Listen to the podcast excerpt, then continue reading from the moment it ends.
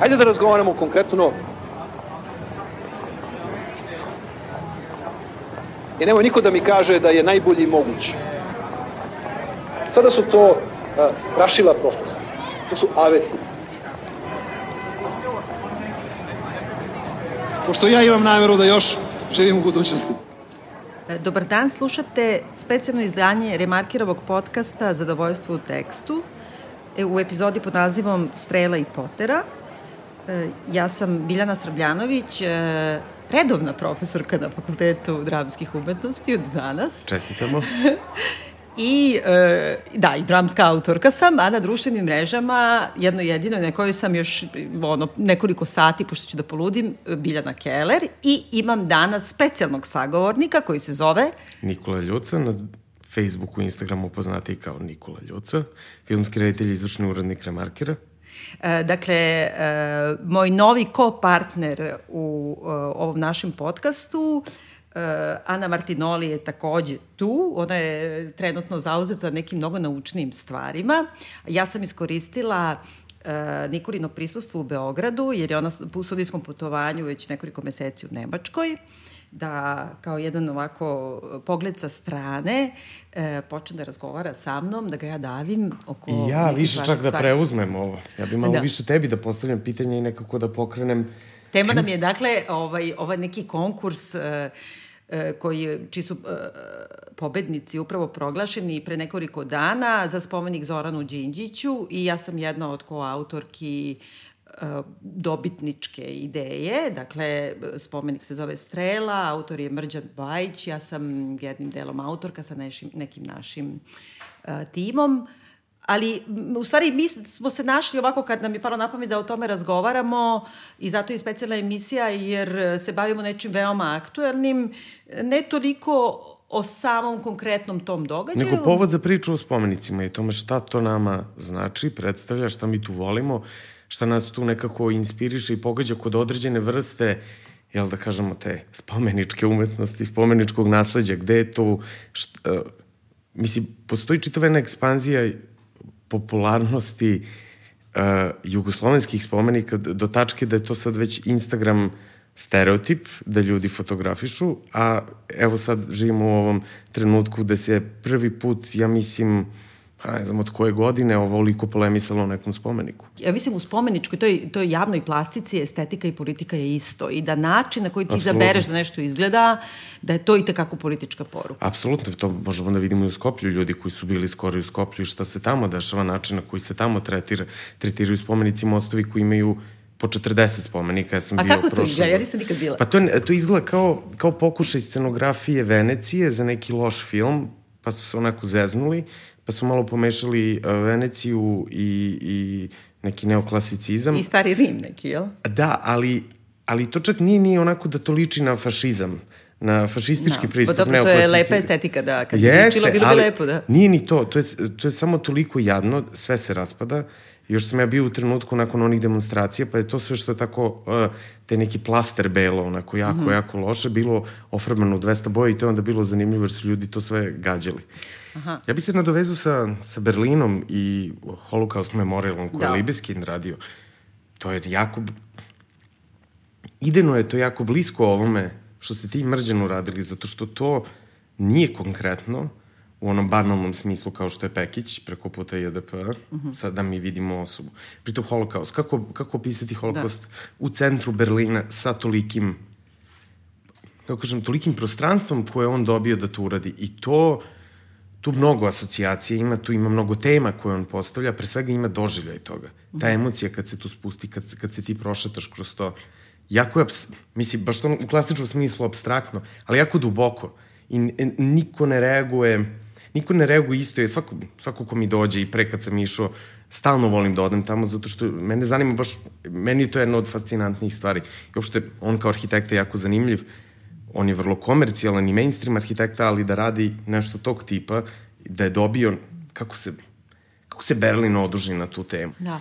Kad si spomenuo holokaust, mislim da je to možda i trenutak u kome u 20. veku napravljeni zaokret u toj javnoj plastici zbog toga što si ti u stvari više nije pitanje da jednom nekom čoveku, istorijskoj ličnosti posvetiš nešto, nego i ti memorijali su nekoj ideji ili nekoj velikoj tragediji više nisu samo po, pobede, nego izgubljene bitke, izgubljena bitka čovečanstva je holokaust. I da, i nije- kako pisati poeziju. Jel? Pa jeste, da, da, pa- dorno, to, to, to je, se uvek vraćamo na to kako uopšte sada napraviš bilo šta. Meni od tih, eh, kako da kažem, holokaust ili posvećenja stradanju jevreja, eh, spomenika najlepši, koji isto nisam videla nikad uživo, je ovaj Gercov u Sarbrikenu, Aha, da. koji je zapravo, eh, kad gledaš, eh, to, bukvalno meni je to dobro zato što taj spomenik može da se priča, on može da se govori. To je eh, spomenik koji je postavljen, to je spomenik uništenim jevrejskim grobljima, tokom uh, vladavine nacizma u Nemačkoj, kojih je bilo, ne znam, nekoliko ilj- hiljada sigurno Da, da. u Nemačkoj. I sad u Sarbrikenu postoji taj čuveni zamak u kome je za vreme drugog svetskog rata bila gestapo, policija, gde su mučili ljude i uopšte odatle e, dirigovali na neki način jednim delom holokausta. I uh, Gerca su zvali, ja mislim, da napravi spomenik i ti sad kad prilaziš tom uh, zamku, ti ne vidiš ništa. Ti samo vidiš od malih onih kal kaldrmastih kockica, kao da su one starinske koje stoje u tom zamku, ko zna koliko vekova, jedan put i ti ideš po tom putu i ti ni ne znaš da ti hodaš po spomeniku. U stvari šta je on radio? On je sa svojim saradnicima, ja mislim krišom, vadio jednu po jednu tu kocku, nosio u atelje i gravirao ime po jednog uništenog jevreskog groblja. I onda krišom vraćao to na mesto, ali tako da je ime okrenuto na unutra.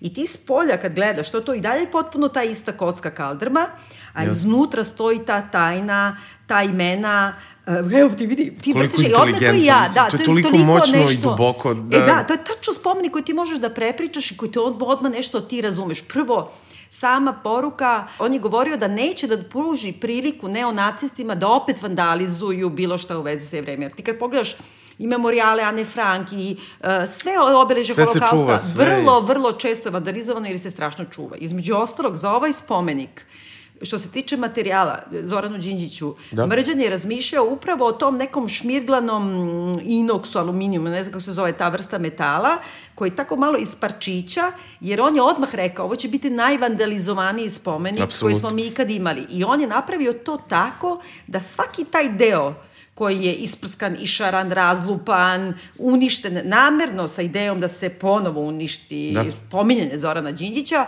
uvek može vrlo lako da se skine, prešmirgla, prefarba, zakači sa sve tim tragovima uh, našeg vremena koji nosimo sa sobom, da se vidi da si ti to morao da skineš i da vratiš i da ga poliraš i polirat ćemo ga dok smo živi, I to je neka naša borba protiv toga što mi znamo da će to biti vandalizovano uh, iz ideje odijuma prema tom čoveku, zbog čega je on i ubijen. Da li si bila na Kalvari nekad u Zemunu? Ne. E, pa Kalvari, no, ja sam živao u jednom trenutku u Zemunu, to je onako pogled na Beograd, ima vrlo zanimljivo naselje, vrlo, ima neku mračnu atmosferu i to se zvuči tako abstraktno kad kažeš ima mračnu atmosferu i, i to je uh, to je nešto što mene malo proganjalo, onako pa sam čak i čačko šta je to, zašto, zašto to ime, šta Pa to znači. Kalvarija, brate, i nemalo mračnu atmosferu. Nema, znaš, tu je, neka, e, tu, tu je bilo nemačko groblje. Uh -huh. e, I sad Kalvarija je onako na brdu i, i ono ima jedno stepenište koje spušta dole do, da kažem, Novog Beograda, to je granice Novog Beograda i Zemuna Tošinog bunara, koje je onako jedno kameno e, stepenište koje je u stvari napravljeno od grobova. Od nadgrobnih ploča tih nemačkih. Kakav mora biti luk. Pa da, ali to je, ne, to ne, odnos? nevjerovatan, da, da, Ko je to to, je, da, da, ja, da, da. patos koji mi imamo i mislim da je vrlo zanimljivo se spomene u ovom kontekstu. Da, da, tačno. Ne znam, ja mislim od tih spomenika zadnjih 30-ak uh, i više, 40 godina, pa praktično od smrti Broza i od, od smrti tog kao uh, vladavine moderne na neki način Pa i u našoj arhitekturi Moderna, i sve. Da. Uh, mislim da je, onda kreće taj neki pseudo-socrealistički izraz u skulpturi meni je to onako kako ja pamtim obeležje onaj stravičan Nikola Pašić na trgu Marksa i Engelsa. da. I taj džinovski čovek sa tim ogromnim nekim kaputom koji ti nešto preti s nekih visina, koja je neka imitacija Rodenovog Balzaka. Inače, ja mrzim Ro- Rodena. Mislim, ono, bila sam sto puta da gledam ono i ja, sve, ali ali ja nemam, nemam stav. E, ovo je bilo to, samo taj neki kao pseudo-socrealistički stil. Ali on je meni pre svega neistorijski Tačno. i nekontekstualan. Tačno, On, on nema ništa. Da. On, on niti je bio takav fizički. Ništa, da. To, da, to nije sad ni realistični neki do, do kraja, da. niti je, niti je to sad mislim, neka Meštrovićeva ideja, da bi on da. otišao sa tako, znači to sam razmišljao, šta bi on uradio. Da, vidiš, mi nije, ne znamo ko je radio, na primjer, taj spomenik. Da vidiš, to je, da, Ali uopšte u to vreme pogotovo ovisi ti spomenici, na primjer, caru Nikolaju, pa onaj spomenik koji je za Đinđićevo vreme postavio tadašnji ministar pravde Batić ispred e, Palate pravde, caru Dušanu. Na primjer, da, da, da, sa Dušanovim zakonikom. Prvo mi ne znam kako izgledao car Dušan za početak. To je znači, treš, ali to je baš to je treš, to nije ništa... Hoću da kažem, nije ni u Đinjićevo vreme bilo ništa bolje što se tiče te estetike, jer mi smo to povukli, te, te nakaze gvozdene poluzavršene fasade, SPO arhitektura po gradu. Ma jeste, da se opet ja dovežem na, na Libeskin, da u, u Jevrijskom muzeju u Berlinu imate jedan trenutak kad ti, da bi prošao od, jednog do, od jedne do druge prostorije, hodaš po nekim limenim, ne limenim, što pričam, gvozdenim nekim krugovima koje ti shvatiš u stvari da su lica. A ti ne možeš drugačije da prođeš. I, da. ne, I mislim, to je, znači, to je maksimalno svedeno lice. Da, ali ti oka, hodaš po da, lobanjama drugih ljudi. I, da. I to proizvodi nevjerovatan zvuk. Jo, da. Koji se lomi. Pa to je, da, to je genijalno. Ali ja mislim, meni je zanimljivo, na primjer, e, kako je ovde dobro, e, kako ispod radara prošla, na primjer, Nebojša Kula, koji su pre možda 5-6 godina Branko Pavić jo, uh, sa kolegama sa arhitektonskog, oni su je potpuno renovirali i opet u tom nekom abstraktnom ili kao idejnom smislu. Mislim, oni su povezali kao renoviranje Nebojše kule, sećam se, zato što su Grci tada davali novac za to. Jeste, tad se otvarao da. i Helenski centar za kulturu, sve je, to da. je bio jedan talas. Ali su oni tražili da bude kao neko podsjećanje na Rigu od Fere i sad tu je moralo nešto da se spoji. Tu nema bre ni jedna figura, to ima jedan koncept i to, mislim, jako dobro, čisto, na svaki način veoma onako vizuelno čisto Evo, i jasno. Mi ne možemo da se dogovorimo dole oko sajmišta i to koliko da, već. Tačno. Šta, mislim, tu u onim prostorijama, šta je tu sve bilo? Pa su neke teretane, pa je ovo, pa je ono, pa neke žurke se tu dešavaju, pa je tako neko razvaljeno naselje koje, koje sad stoji naspram najmodernijeg jel, da. naselja u Beogradu, najnovijeg, najpretencioznijeg i sve. To je jako zanimljivo šta će se sa tim dešavati. Da, da, kako, će se, kako će se to uvezati sa svim ovim, jeli, ovom nekom filharmonijom koja treba da se napravi, to je s koncertnom dvoranom, pa da. sad to je taj jedan nastavak u celoj toj jel, novom silaženju na reku, gde će da se ode sa tim. Da. Od svih je... Mirkovih ideja do, do, do jel, Beograda na vodi koje preko puta. To, je me, to, je, to mene jako kopka. Da. Jer nekako tu će se, tu će se vrlo jasno...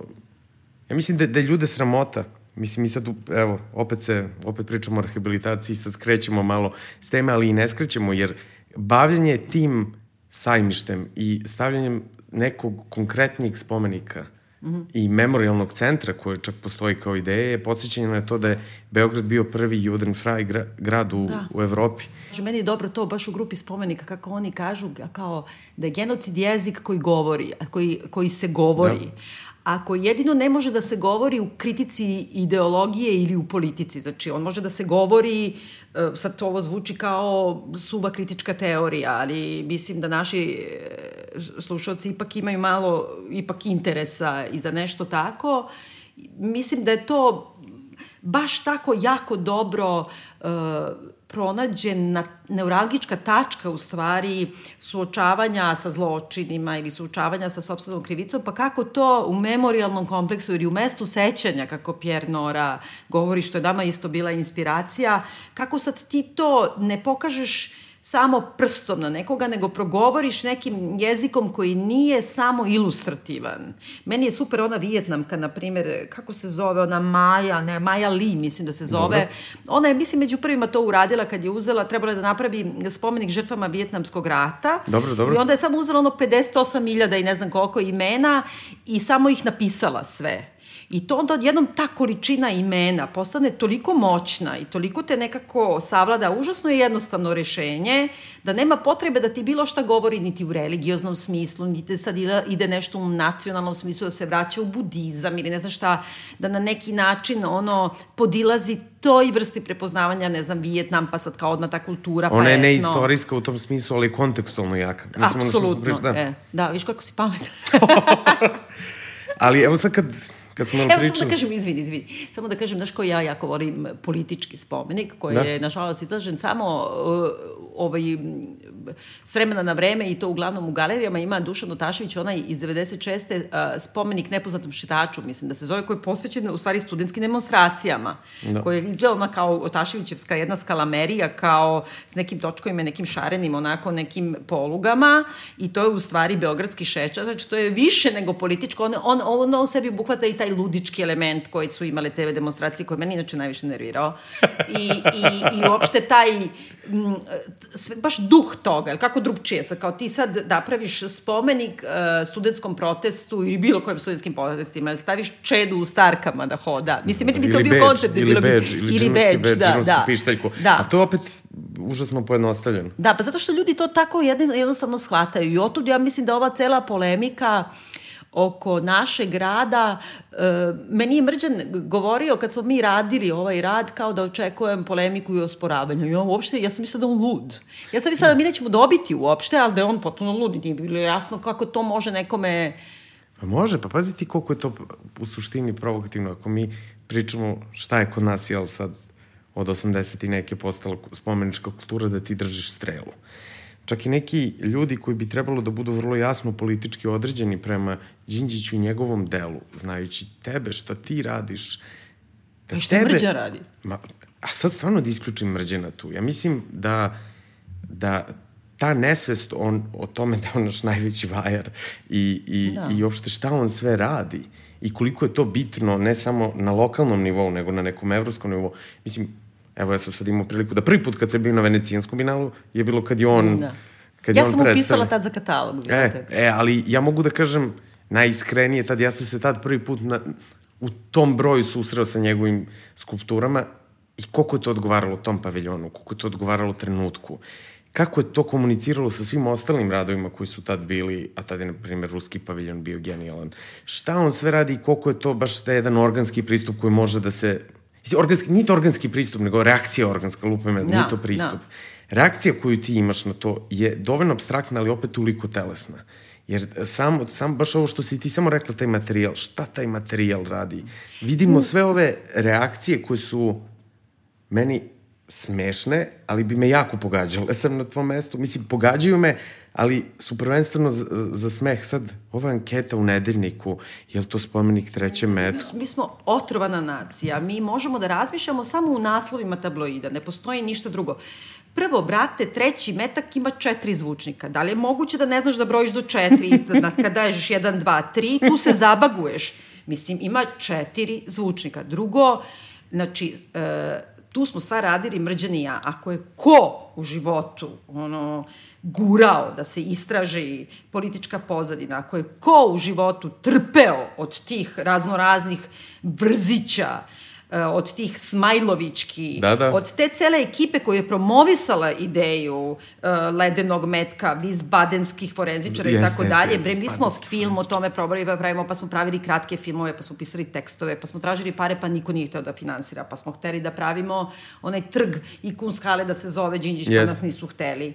Pa smo, mislim, naš, uh, da ne pričamo o političkoj pozadini, ja pripadam toj grupaciji koja se time bavila deset godina, na razne načine, govorima, tekstovima, uh, Srđa Popović je predao bre krivičnu prijavu koju niko iz te demokratske stranke i ovih građana, svi nas uvek gledaju 12. marta kao potpune idiote, kao, kao ljude koji uporno insistiraju na nečemu što više nikome nije važno. Odakle im pravo da tu vrstu tabloidnog zagađenja, zaglupljivanja naroda na jednoj tako plemenitoj stvari isteruju. Mene je to ta priča oko trećeg metka, ja sam se srušila, bukvalno. Meni to ne bi palo na pamet, bukvalno nikad. Znaš, e, mi objašnjavamo ljudima, na primjer, prijavili smo se na anonimni konkurs, oni nama kažu kako mi ste anonimni kad ga je grad raspisao. Pa znači da smo mi bili anonimni, mi smo bili pod šifrom, 40 Smijurno. kolega se pred zapečaćenom šifrom prijavilo sa uglednim međunarodnim žirijem. Okej, oni su izabrali taj rad i kad je sad... Ne samo što su izabrali taj rad, prvo, uži izbor je već pokazivao jedan Da, pravac. tačno, jedan... svih šest radova su bili abstraktni, bili su izloženi u javnosti, niko na to nije reagovao, jer nije Apsolutno. bilo u tabloidima i nije bilo to ta imena i tako dalje. Ali druga je stvar u tome što mi smo napravili taj rad najbolje što možemo. Žiri je nas izabrao i sad oni nas napadaju što je naš rad izabran, pa pitaj žiri, što pitaš mene. Mislim, onda idi pa pitaj podreku. Ali Vladu ne smeju oni, pa ne smeju oni Veličkovića Ja mislim da oni ni ne da razumeju kako to ide. Oni misle došao je taj neki gradski menadžer i Jeste, uzeo jeste. mrđena i mene za ruku i onda smo mi njemu nešto vajali gajbi i on je to kao malo smuljao i podigao. Zato što se to doživljava da je, e, verovatno, bez, jel, malo ozbiljnijeg udubljivanja, da je to rađeno kao fontana. Koristeći iste metode, uvek ćete postići isti cilj. Kad idete istim putem, uvek ćete doći na isto mesto. Ali da pričamo, ja hoću tebe da pitam malo o toj zvučnoj instalaciji tu.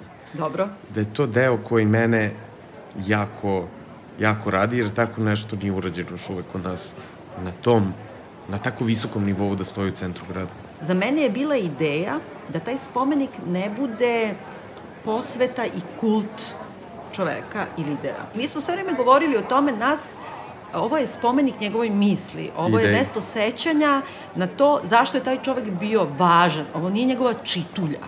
Ovo nije njegova parta na, na zgradi na kojoj je živeo. Ovo treba da bude nešto što u nama budi misli, e, koje, e, na šta bi on mogao da nas inspiriše i u kom smeru bi da nas pokrene. I onda sam mislila da mora da se čuje taj njegov glas, jer taj njegov govor, način, ta dikcija, to brzanje, Jeste, to je tako karakteristično, da, i to povišeni taj ton i uopšte nema vremena za to, e, to je mnogo karakteristično za njega. Opet, s druge strane, ako pustiš bilo kakav govor, to onda zaista baš opet zvuči kao kult ličnosti. Ti moraš na neki način da ga obradiš, da mu daš neki značaj. Onda sam mnogo razmišljala o tome, čoveče, kako je moguće da mi ovo, znaš, slušala sam te njegove govore i govore i govore, kako je moguće da mi ovo nismo slušali? Zašto nismo slušali?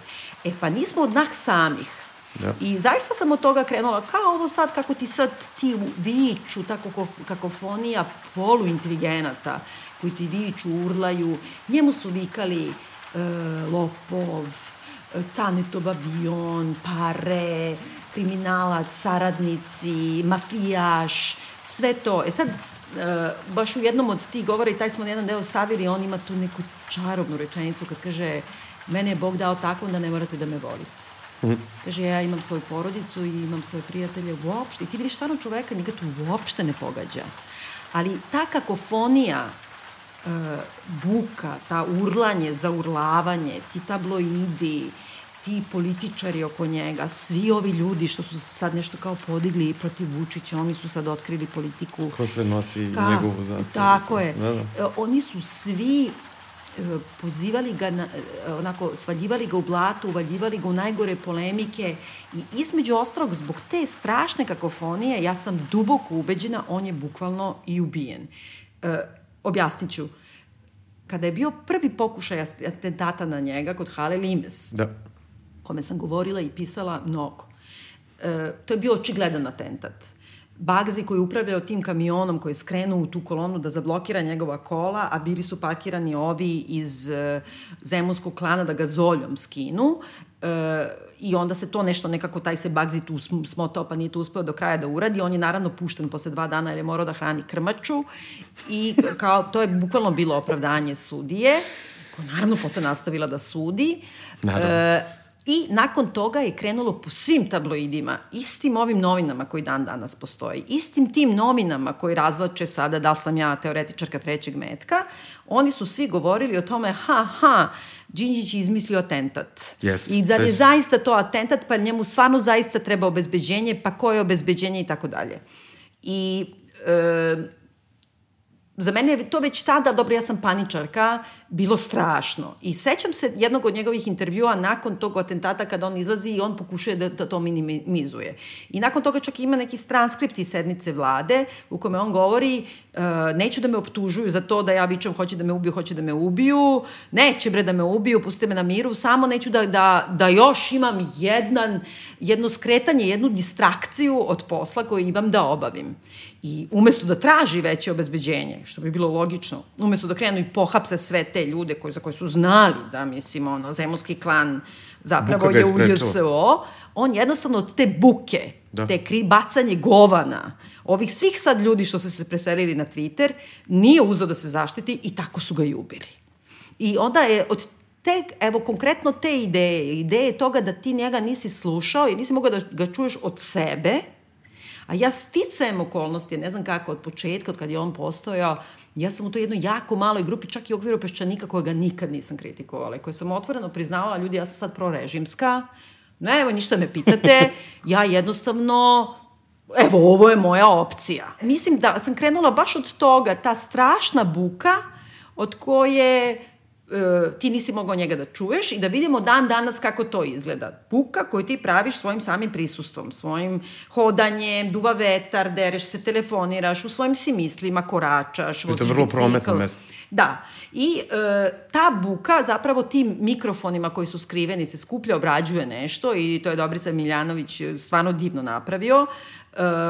Koji je dizajner zvuka, koji je doktor umetnosti, koji je Isto to, kolega to radio, sa naš kolega sa FDU-a. I on je, uh, znači, taj se zvuk skuplja, on se obrađuje, na neki način amplifikuje i pušta tebi nazad. I ti sebe, sa ono dilemom od sekund i po, na primer, čuješ sebe da ti to proizvodiš. Ali ti čuješ takođe da negde postoji još nešto drugo. I sad, ljudi će da odluče, ili ću da utišam sebe i da kažem, ček, ček, ček, čekaj šta je ovo? I onda moraš da nađeš odakle. I tačno iz te ranjene strele, iz tog procepa koji je na nivou očišta u stvari, sa gornje strane su skriveni mikrofoni i odakle ti on govori. I on ti govori tiho, mnogo tiše od tebe, iscepkane kratke, bukvalno sintagme, koje nisu uvek povezane u logičnu celinu, to su reči koje ti treba prvo da napraviš napor da ih čuješ, da ih razaznaš, da ih razumeš, da ih shvatiš ako hoćeš, ili s druge strane može da nastaviš da pljeskaš, da se dereš, tu će sigurno biti neke studentske demonstracije. Da, da, da, da obstruiraš. Mislim, na bilo koji način da slušaš sebe više nego to što ti je taj čovjek govorio. On ti neće praviti napor da ti urla u uvo. Naprotiv, on je jako, jako tih i tiši od tebe. Ti napravi napor da sebe utišaš ako hoćeš da ga čuješ, a ako nećeš, idi, brate, dalje, živi svoj život u toj sonornoj poluci, u toj kakofoniji. E sad, mene dosta uvredilo, na primer, ovi neki ko komentari, stvarno krajnje banalni, kao onaj, kako se zove taj Vlada Georgijev, ovaj iz Birna, ovaj novinar. Da. Iri, Iri, kako se zove, Iri Basara, na primjer, koji su govorili, ja, to je kao raspevana fontana. Ja, e, kako da. glupo. To je, znaš, mene čudi to, ovo do, od ovog Georgijeva, ja ne znam stvarno šta on radi, ali od Basara mi čudi, jer on je ipak jedan umetnik koji je postmodernista, koji je imao istu takvu vrstu napada za svaki svoj roman, u osnovom kao i Kiš i kao da ti tu ali ja mislim da, ja mislim da to sad upada u onaj koš e, toga u kom trenutku se to kao otvara i pošto, jel, to je u stvari kao naručio Vučić i to je kao Vučićeva jel, neka ja mislim ovaj, da čak nije, na primjer, prvi Basara nije nešto sad da onda baš mnogo protiv Vučića. Ja mislim da samo da je to neki odijum prema tome šta ti je to, to ti je mnogo moderno. Ima naravno ova gomi, ova svetina koja zaista ne vidi, baš ima jedna od tih rečenica koje smo stavili, Đinđićevi kao ono, od drveta šumu. Znači oni da. se fokusiraju na tog nekog da. gradskog menadžera, pa niti on to birao. Drugo, on je, taj Vesić, on je bio Đinđićev saradnik. Đinđić ga je doveo. Mislim, ja stvarno u svom životu, majke mi ne mogu da razmišljam o Vesiću. Mislim da taj estetska komponenta, da kao oni govore to će biti raspevana fontana, to je zaista da nikad u životu nisi, nisi čuo šta su to zvuče skulpture, Uh, mi ćemo pustiti ovde jednu umetnicu koja je dobila prva um, umetnica zvuka koja je dobila Tarnerovu nagradu pre dve, tri godine, četiri, ne znam ni sama. Znači, nagradu za likovnu umetnost. Mislim, to su, kako kažem, to je kao kad bi ti neko rekao ulje na platnu nije umetnost. Tako isto da ti kaže kao, da ti uporedi sada neku zvučnu skulpturu sa DJ-em iz neke straviče fontane. Mislim, i... Znači, kako ljudima sad objasniti da je e, grad, pokrajina Berlin tehno zaštitio kao visoku umetnost? Stvarno? Da je Berlin hram kulture, a ne samo, jel, najveći klub u Evropi. Da.